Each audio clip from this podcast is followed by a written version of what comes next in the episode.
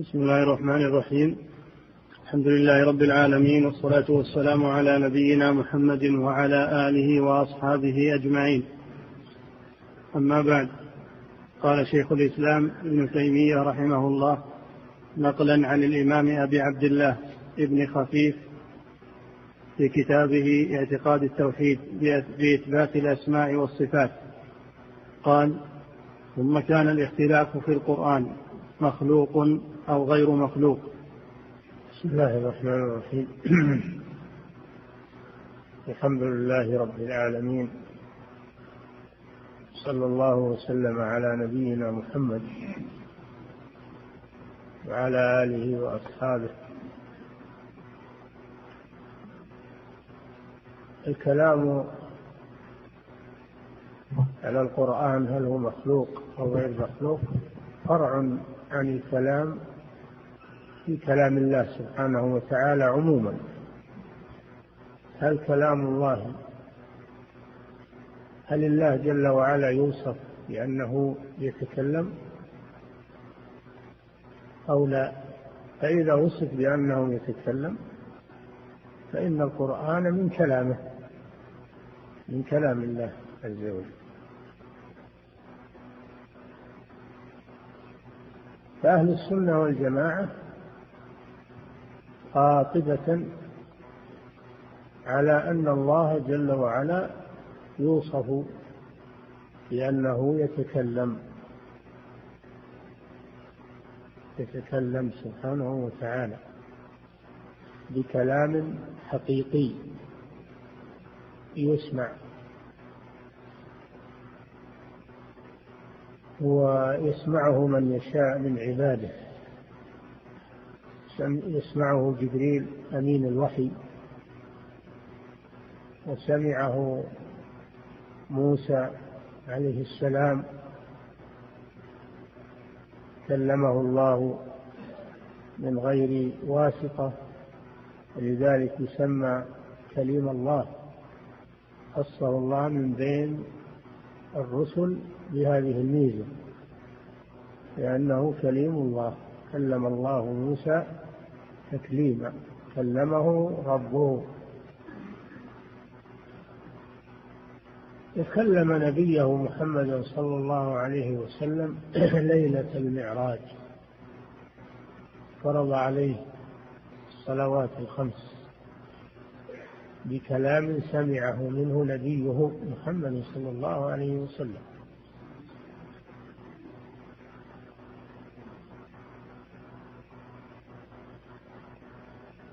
وأما الطرف الثاني وعلى مذهب أهل السنة والجماعة والحق أن الله يوصف بأنه يتكلم تكلما حقيقيا.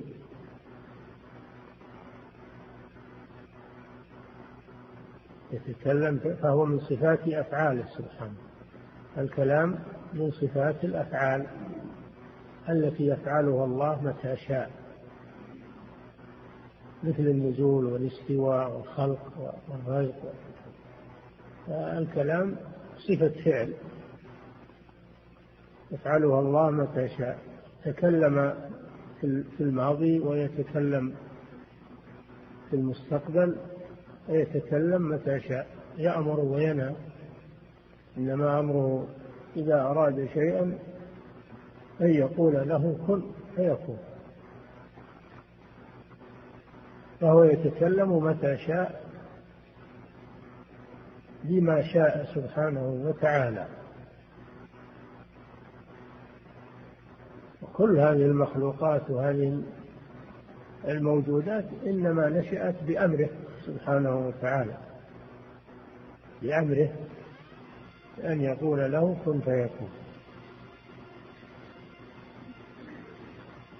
فكلام الله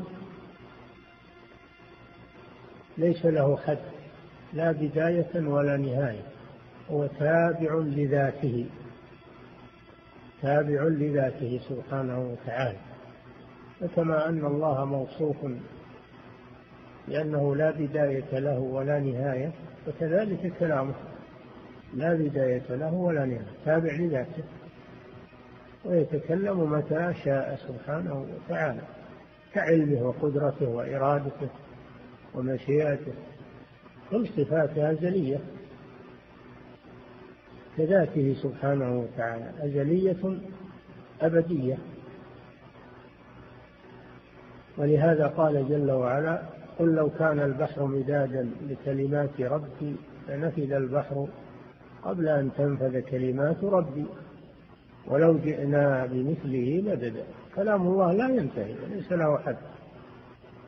لأن لأنه يفعل ما يشاء ويتكلم بما شاء سبحانه وتعالى. وكل مخلوقاته بكلامه. ووحيه جل وعلا إلى رسله بكلامه. ينزل به جبريل يتكلم بالوحي ثم ينزل به جبريل إلى من أوحي إليه من الرسل. لا نهاية لكلام الله ولا بداية له كما أن ذاته لا بداية لها ولا نهاية. كذلك قوله تعالى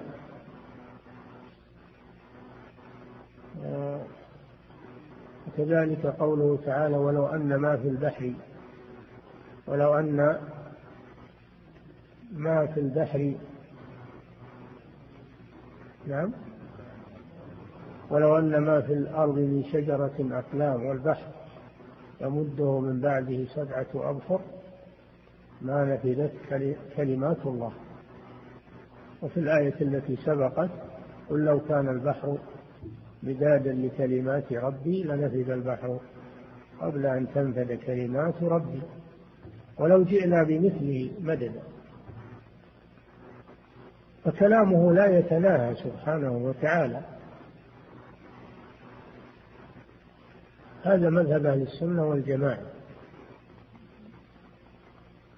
وذهبت الجهمية والمعتزلة ذهبت الجهمية والمعتزلة إلى خلاف مذهب أهل السنة والجماعة فقالوا إن الله لا يتكلم لا يوصف بالكلام. جريا على مذهبهم الخبيث لأن إثبات الكلام يقتضي التشبيه بالمخلوقات كما أن وصفه أو بالصفات يقتضي تشبيهه بالمخلوقات فلذلك شبهوا على الناس وقالوا إنه لا يتكلم من باب التنزيه له بزعمه. عن مشابهة؟ المخلوقات. الله عندهم لا يتكلم. وإنما هذا الكلام مخلوق. خلقه الله كسائر مخلوقاته.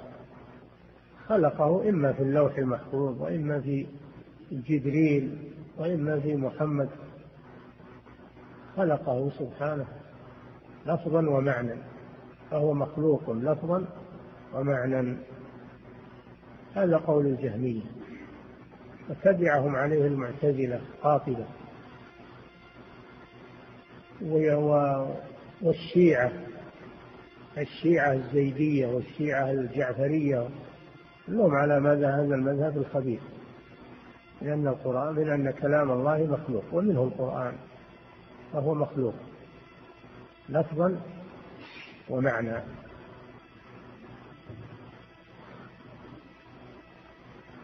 وذهب الأشاعرة والكلابية والماتريدية إلى أن الكلام على قسمين. كلام معنى الكلام معناه هذا غير مخلوق هذا قائم بالذات الإلهية معنى معنى قائم بالذات. أما لفظ آه، الكلام وحروفه فهي مخلوقة. وكلام الله يتكون من شيئين شيء غير مخلوق وهو المعنى وشيء مخلوق وهو اللفظ والحروف. فهذه فهذا القرآن الذي معنا ليس هو كلام الله عند الأشاعرة. وإنما هو عبارة عن كلام الله أو حكاية عن كلام الله عن المعنى القائم بالنفس الإلهية. عبر به جبريل أو محمد أو حكاه عن عن المعنى القائم بالذات الإلهية. فعندهم كلام الله والقرآن من جهة المعنى غير مخلوق ومن جهة الألفاظ مخلوق. فهذا الذي في المصاحف عندهم مخلوق وهو عبارة أو حكاية عن كلام الله. وهذا من الخلط العجيب فلا هم مع الجهمية ولا هم مع أهل السنة. هذا خلط عجيب. لا يتصور أبدا. إنما هو من جنس قول النصارى إن المسيح مكون من الرب ومن العبد. اتحاد اللاهوت بالناسوت المسيح متكون من ذات الرب ومن ذات المخلوق. تكون من شيئين ناحية ربانية وناحية بشرية. كذلك القرآن عند الأشاعرة كذا. يكون من من شيء رباني وشيء بشري. فهم شابهوا النصارى في هذا الكلام المختلط العجيب.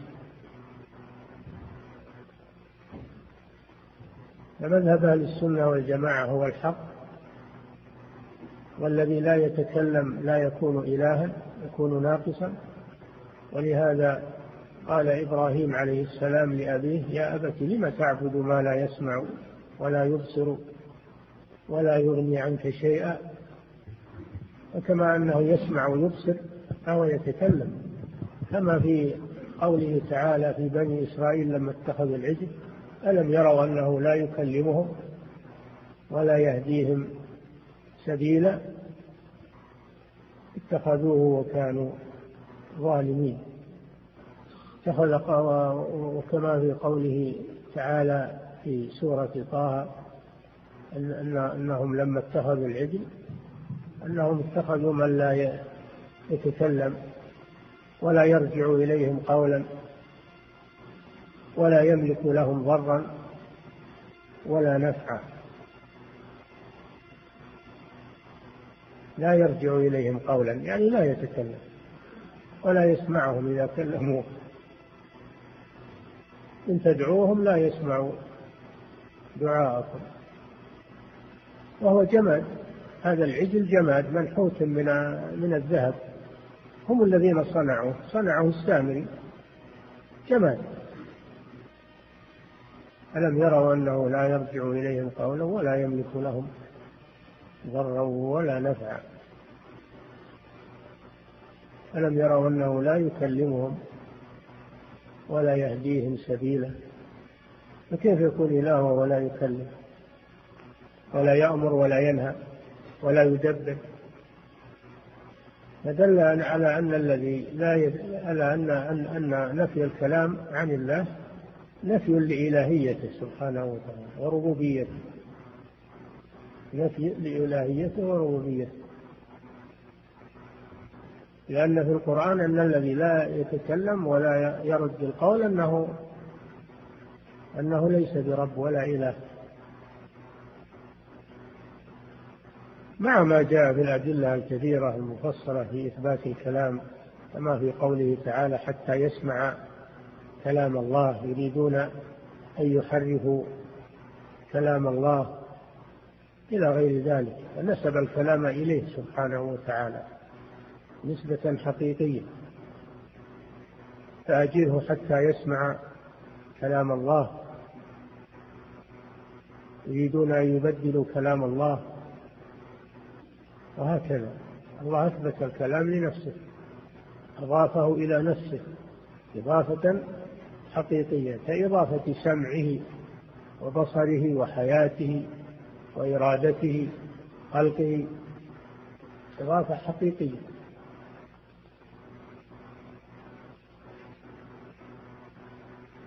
فإثبات الكلام لله هذا أمر قطعي. هذا أمر قطعي في الكتاب والسنة وبالفطرة والعقل وبإجماع المسلمين إجماع الرسل عليهم الصلاة والسلام. ومن طريف ما يحكى عن هؤلاء أن واحدا منهم اجتمع عند السلطان مع واحد من الحنابلة. فقال ذلك الرجل للحنبلي يا حنبلي ماذا تقول إذا قال لك الله من أين أخذت أني أتكلم ما دليلك على أني أتكلم قال أقول يا ربي ها أنت تتكلم الآن. فخصمه خصمه من حيث لا يدري. من أين أخذت أنني أتكلم قال أقول أنت الآن تتكلم. فالحقيقة أنهم والعياذ بالله ضحك منهم الشيطان ولعب بعقولهم. واستفزهم. حتى اعتقدوا هذا المعتقد الباطل. ونفوا عن الله جل وعلا. أعظم صفاته. والله جل وعلا فرق بين الخلق والأمر. قال ألا له الخلق والأمر. فلو كان الكلام خلقا لما فرق بينهما. الأمر كلام والخلق خلق. الله فرق بينهما. قال ألا له الخلق والأمر. هذا دليل على والأمر هو الكلام الذي يأمر الله به وينهى ويخاطب. ألا له الخلق والأمر فرق بين الخلق وبين الأمر. وهؤلاء لا يفرقون بينهما. نعم. قال ثم كان الاختلاف في القرآن مخلوق أو غير مخلوق فقولنا وقول أئمتنا إن القرآن كلام الله غير مخلوق وإنه صفة منه بدأ قولا وإليه يعود حكما. وهذه المسألة القول بخلق القرآن لما ظهر المعتزلة والجهمية في عصر المأمون والمعتصم والواثق أرادوا أن يلزموا الناس بذلك بالقول بخلق القرآن. وامتحنوا الأئمة امتحنوا أئمة أهل السنة. ليلزموهم بالقول بخلق القرآن. فمنهم من تأول وأجاب ومنهم من قتل ومنهم من صبر. وهو الإمام أحمد رحمه الله. فإنه صبر على المحنة وعلى الضرب والتعذيب وأبى أن يقول بخلق القرآن. وتوالى عليه التعذيب والامتحان في زمن الخلفاء الثلاثة. المأمون والمعتصم والواثق وهو كالجبل الشامخ صابر على المحنة على الضرب على التعذيب حتى نصره الله عليهم وكان الذي يحرض عليه هو بشر بن غياث المريسي بشر بن غياث المريسي الذي هو آه، محظيا عند عند المأمون نعم. فقولنا وقول أئمتنا إن القرآن كلام. وابن أبي دؤاد ابن أبي دؤاد الذي يعدونه قاضي القضاة. هذان الرجلان ابن أبي دؤاد وبشر المريسي. هم الذين آه، تحملوا وزر تعذيب الإمام أحمد رحمه الله بل أفتوا بقتله. أفتوا بقتل الإمام ولكن الخليفة لم يتجرأ على قتله لم يتجاسر على قتله. وإلا قالوا له اقتله ونحن نتحمله. نحن نتحمله. نعم. وقولنا وقول أئمتنا إن القرآن كلام الله غير مخلوق وإنه صفة منه بدأ قولا وإليه يعود حكما. أهل السنة والجماعة يقولون كلام الله ومنه القرآن. القرآن غير مخلوق كما أن كلام الله غير مخلوق القرآن غير مخلوق. بل هو تنزيل تنزيل من الله نزله. تنزيل من حكيم حميد. تنزيل الكتاب لا ريب فيه من رب العالمين. إنا أنزلنا إليك الكتاب فهو منزل القرآن منزل غير مخلوق. منه بدأ يعني تكلم الله به ولم يخلقه في غيره كما تقول الجهمية لم يخلقه في غيره كما تقوله الجهمية والأشاعرة ومن مشتقاته منه بدأ سبحانه تكلم الله به وحيا. وإليه يعود في آخر الزمان حين يرفع كما جاءت بذلك الأحاديث أن القرآن في آخر الزمان يرفع من الصدور ومن المصاحف فلا يبقى منه شيء. وذلك عند خراب الدنيا وقيام الساعة. نعم. وإنه صفة منه بدأ قولا وإليه يعود حكما. نعم. ثم ذكر الخلاف في الرؤية. وقال نعم الرؤية رؤية المؤمنين لربهم سبحانه وتعالى. فأهل السنة والجماعة متفقون ومجمعون على أن الله يرى في الآخرة. أن الله يرى في الآخرة. رؤية حقيقية بالأبصار معاينة. لا لبس فيها. وذلك أن الله يكرم المؤمنين ويتجلى لهم ويرونه عيانا ويخاطبهم ويخاطبونه ويتلذذون برؤيته سبحانه وتعالى. كما أنهم آمنوا به في الدنيا ولم يروه وإنما آمنوا به في الغيب. صدقوا الرسل واستدلوا بآياته الكونية عليه سبحانه وأن هذه المخلوقات ليست عبثا وإنما لها خالق ومدبر. فهي لم تخلق لم تخلق نفسها ولم تدبر نفسها وإنما لها خالق أوجدها ودبرها ويتفكرون في خلق السماوات والأرض. ربنا ما خلقت هذا باطلا. يتفكرون فآياته الكونية وآياته القرآنية تدل عليه. فلذلك آمنوا به إيمانا صادقا يقينا لا يعتريه شك. فلما آمنوا به في الدنيا وهم لم يروه جازاهم الله في الآخرة فتجلى لهم علانية ليروه سبحانه وتقر أعينهم وليكرمهم بذلك. أما الكفار فلما لم يؤمنوا به في هذه الدنيا فإن الله يحجبهم عن رؤيته يوم القيامة.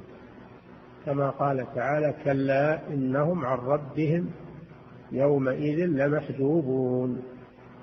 فلا يرونه ويحرمون من رؤية ربهم يوم القيامة جزاء لكفرهم وجحدهم لربهم سبحانه وتعالى. فالرؤية ثابتة بالقرآن في آيات وفي السنة المتواترة.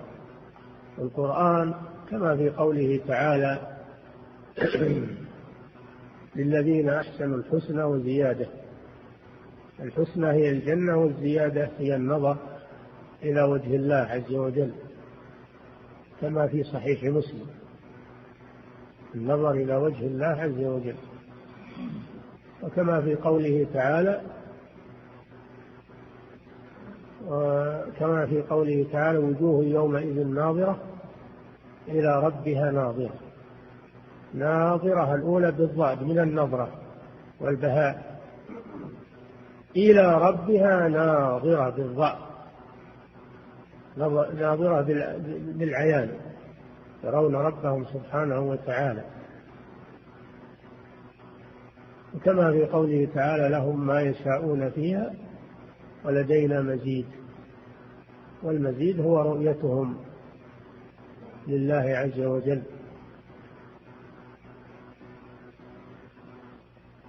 وأما السنة فكثيرة منها الحديث الصحيح الذي الصحيحين إنكم سترون ربكم كما ترون القمر ليلة البدر وكما ترون الشمس صحوا ليس دونها سحاب لا تضامون أو لا تضامون في رؤيته. أهم يرونه سبحانه وتعالى والأحاديث في هذا متواترة. وذهب المعتزلة إلى نفي الرؤية إلى نفي الرؤية. قالوا إن الله لا يرى إن الله لا يرى.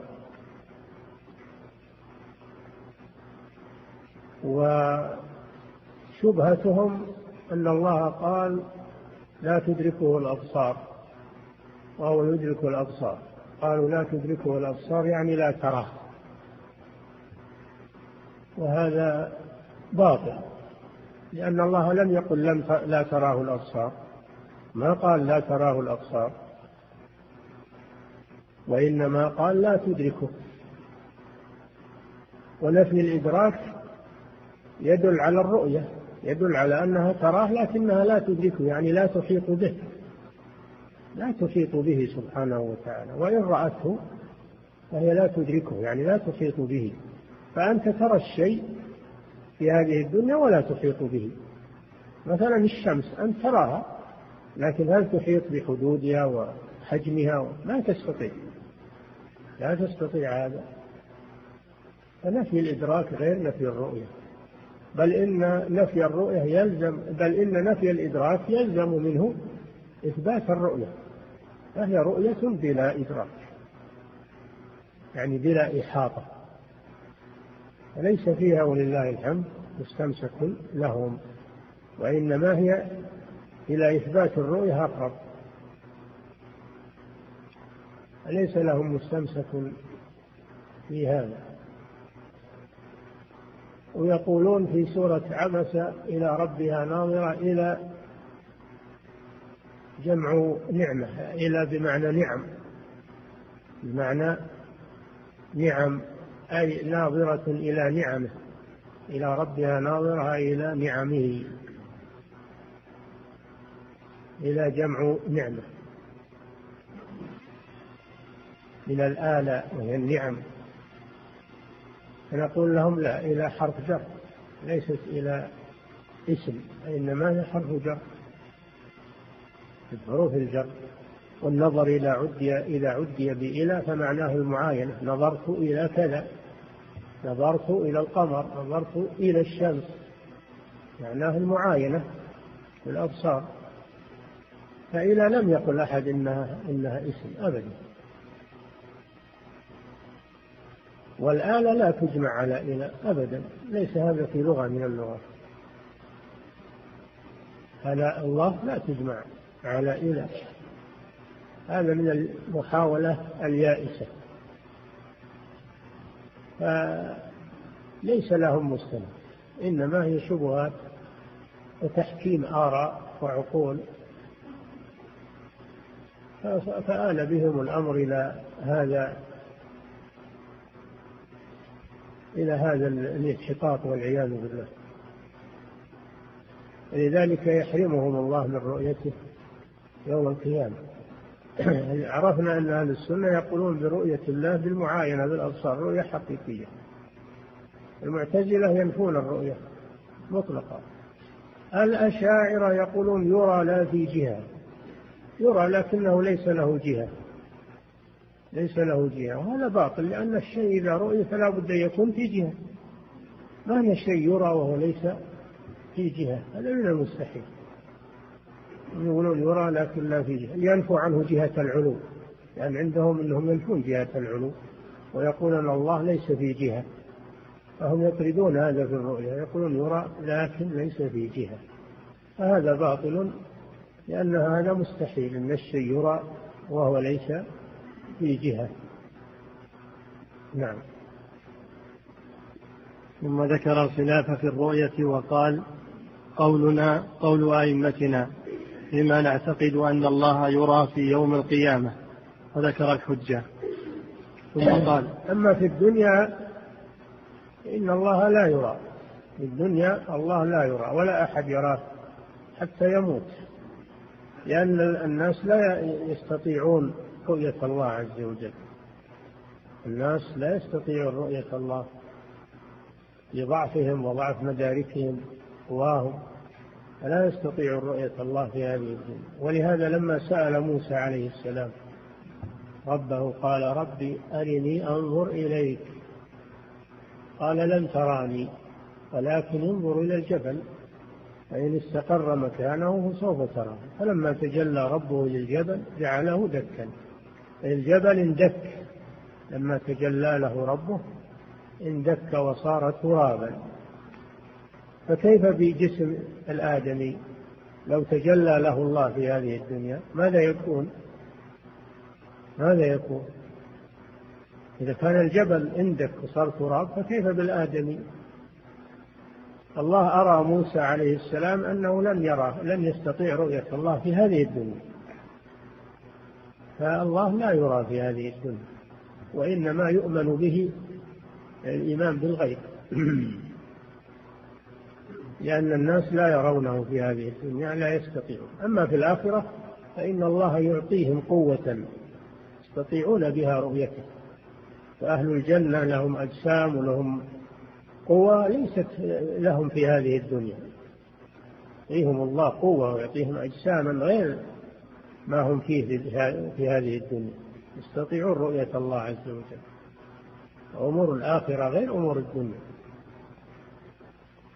وإنما اختلف العلماء هل النبي صلى الله عليه وسلم رأى ربه ليلة المعراج أو لم يره؟ فعائشة والجمهور على أنه لم يرى ربه. وابن عباس يقول إنه رأى ربه معاينة ليلة المعراج. ولكن الصحيح ما ذهب إليه الجمهور أن النبي صلى الله عليه وسلم لم يرى ربه ليلة المعراج ببصره وإنما رآه بقلبه. رؤية قلبية لا رؤية بصرية. ولهذا لما سئل هل رأيت ربك؟ قال نور أنا أراه. يعني حجابه النور ما يرى الله لأن حجابه النور ما يستطيع أن يراه. نور أنا أراه. في رواية نوراني أنا أراه. نعم.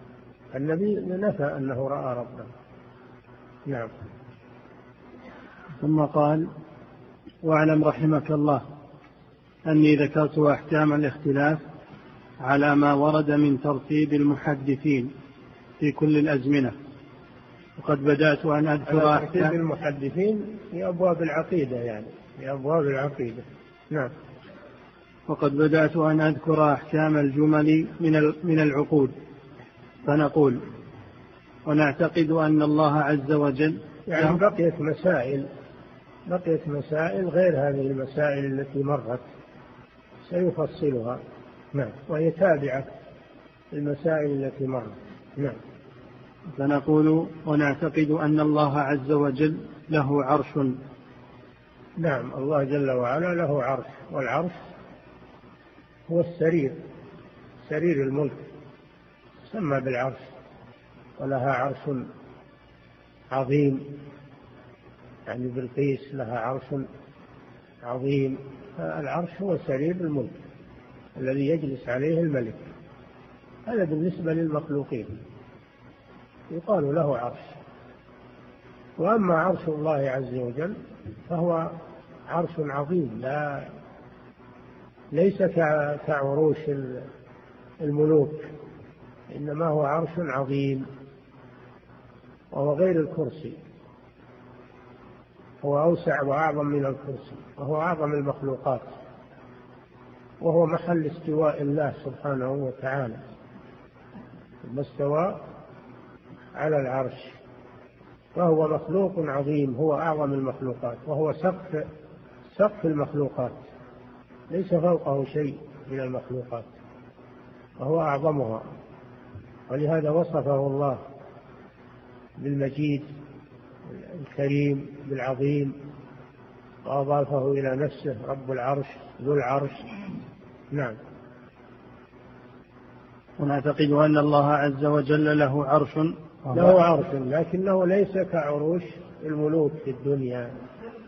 إنما هو عرش لا يعلم عظمه وخلقته إلا الله سبحانه وتعالى. نعم.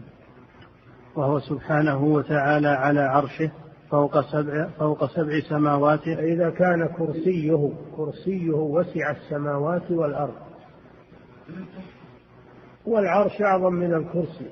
وما الكرسي في العرش إلا كحلقة ملقاة بين ظهراني ثلاث. الكرسي الذي يسع السماوات والأرض يصير كالحلقة بالنسبة للعرش. هذا يدل على عظم العرش. ولذلك قال رب العرش العظيم. نعم. وهو سبحانه على عرشه فوق سبع سماواته بكمال أسمائه وصفاته. نعم هو سبحانه على عرشه مستو على عرشه والاستواء صفة فعل من صفات الأفعال. يستوي إذا شاء سبحانه وتعالى وينزل إلى سماء الدنيا إذا شاء. أما العلو فهو صفة ذات. الفرق بين العلو والاستواء أن العلو أعم من الاستواء.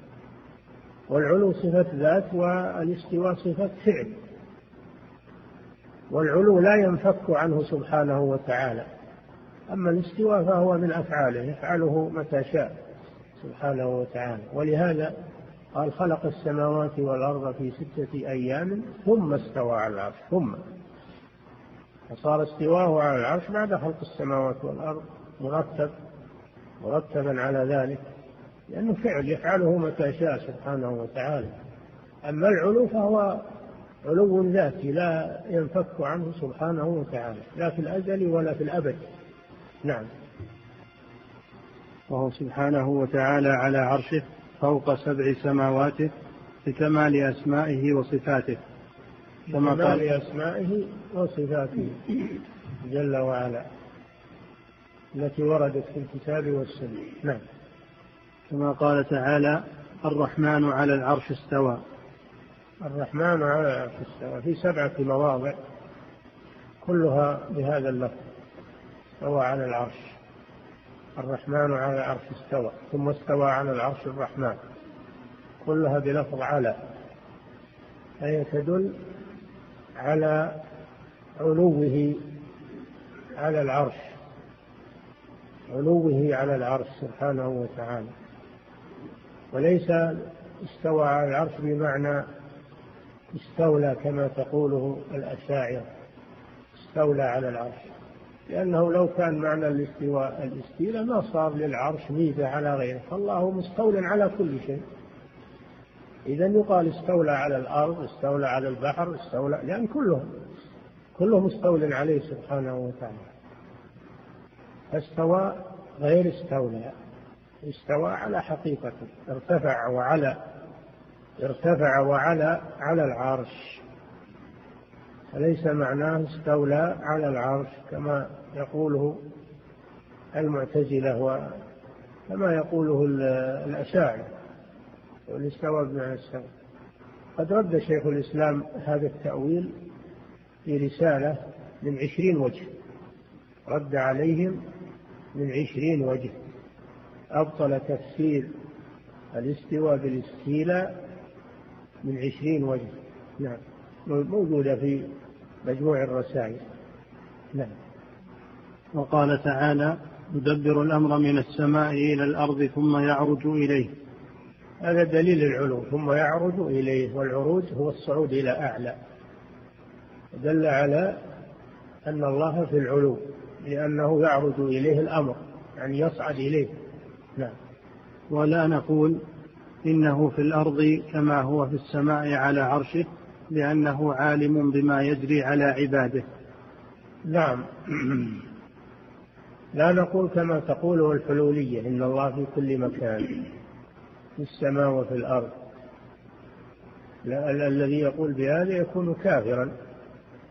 الذي يقول إن الله في السماء والله في الأرض بذاته أنه بذاته في السماء وفي الأرض هذا حلولي كافر. لأن الله جل وعلا في العلو في السماء وليس في الأرض. وإنما في الأرض علمه سبحانه وتعالى. علمه وإحاطته. علمه وإحاطته فهو بذاته في العلو وعلمه وسمعه وبصره بكل مكان. لا يخلو من علمه مكان ولا يخفى عليه شيء في الأرض ولا في السماء. وأما قوله تعالى وهو الله في السماوات وفي الأرض يعني الله يعني المألوه والمعبود وهو الله في السماوات والأرض يعني مألوه ومعبود في السماوات والأرض كما في قوله هو الذي في السماء إله وفي الأرض إله أي معبود في الأرض ومعبود في السماء. وليس معناه أنه بذاته في السماء والأرض كما تقوله الحلولية نعم. ولهذا قال وهو الله في السماء وفي السماوات وفي الأرض يعلم سركم وجهركم يعلم سركم وجهركم. فالذي في الأرض هو علمه وإحاطته سبحانه وتعالى.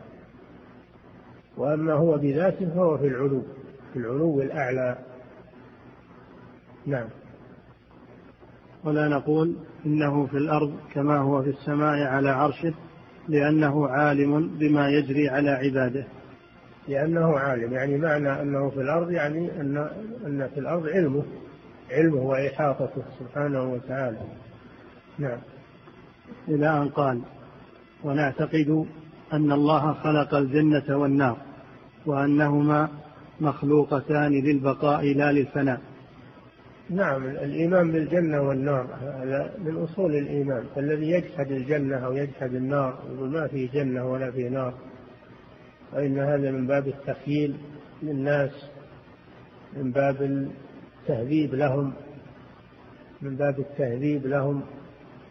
لأجل أن يتهذبوا ويتأدبوا يتوعدون بالنار ويوعدون بالجنة من أجل أن يتهذبوا ويتأدبوا ويسلك السلوك الحسن كما تقوله الملاحدة. هذا قول باطل. بل الجنة والنار حقيقة. جنة والجنة في الأصل البساتين الملتفة التي تجن من بداخلها يعني تستره. من الاجتنان وهو الاستتار. الجنة هي البساتين والأنهار والمناظر الجميلة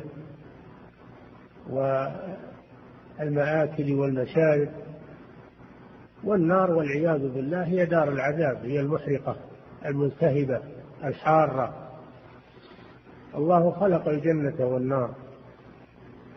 خلق الجنة والنار. الجنة للمتقين والنار للكافرين. قال تعالى أعدت للمتقين. قال في الجنة أعدت للمتقين. وقال في النار أعدت للكافرين. فاتقوا النار التي وقودها الناس والحجارة. أعدت للكافرين. فهما مخلوقتان بلا شك. وموجودتان الآن لأن يعني فيه من يقول نعم هما يخلقان لكن الآن ما هم موجودتان؟ يخلقان فيما بعد. نقول هما مخلوقتان الآن. مخلوقتان الآن. بدليل الحر والبرد. قد قال النبي صلى الله عليه وسلم إن شدة الحر إذا إذا اشتد الحر فأبردوا بالصلاة فإن شدة الحر من فيح جهنم. وقال عليه الصلاة والسلام اشتكت اشتكت الجنة والنار. الله جل وعلا آه، اشتكت النار. النبي صلى الله عليه وسلم يقول اشتكت النار بما فيها من الحر وأنها يأكل بعضها بعضا.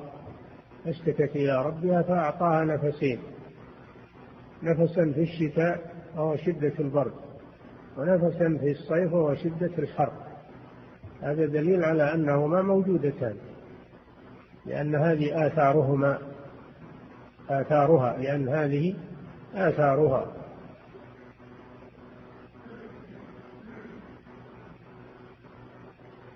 والمسألة الثالثة أنهما لا يفنيان يعني عندنا ثلاث مسائل في الجنة والنار. المسألة الأولى أنهما مخلوقتان الآن. أنهما المسألة الأولى أنهما مخلوقتان حقيقيتان وليستا من باب التخييل. المسألة الثانية أنهما موجودتان الآن قبل يوم القيامة. المسألة الثالثة أنهما لا تفنيان فأهل النار يخلدون فيها وأهل الجنة يخلدون فيها. لا تفنيان ولا تبيدان خلافا لمن زعم أنهما تفنيان. كالجهم بن صفوان. يقول تفنيان تفنى الجنة وتفنى النار لأن البقاء لله وحده فلا يبقى معه غيره. ونقول هذا افتراء على الله فهما لا تبقيان من ذاتهما وإنما لأن الله أبقاهما وبقاؤهما مستمد من الله جل وعلا. مستمد من الله هو الذي أبقاهما. وأبو الهذيل العلاف يقول لا تفنيان لكن تفنى حركة من فيهما فيصبحون جماد لا يتحركون. وهذا أيضا قول على الله بغير علم. فالجنة والنار داران مخلوقتان باقيتان لا تفنيان ولا تجدان وأهلهما مخلدون فيهما. هذا هو مذهب أهل السنة والجماعة. في هذه المسألة. نعم. إلى أن قال ونعتقد أن النبي صلى الله عليه وسلم الجنة إلى أن قال ونعتقد أن الله خلق الجنة والنار وأنهما مخلوقتان للبقاء لا للفناء. خلافا للجهمية. نعم. إلى أن قال ونعتقد أن النبي صلى الله عليه وسلم عرج بنفسه أو عرج بنفسه إلى سدرة المنتهى. عرج. عرج بنفسه إلى سدرة المنتهى. نعم المعراج حق وهو من معجزات النبي صلى الله عليه وسلم ومن كرامته على ربه. اختص صلى الله عليه وسلم بهذا المعراج وهو الصعود. وذلك أن الله أسرى به ليلا من المسجد الحرام إلى المسجد الأقصى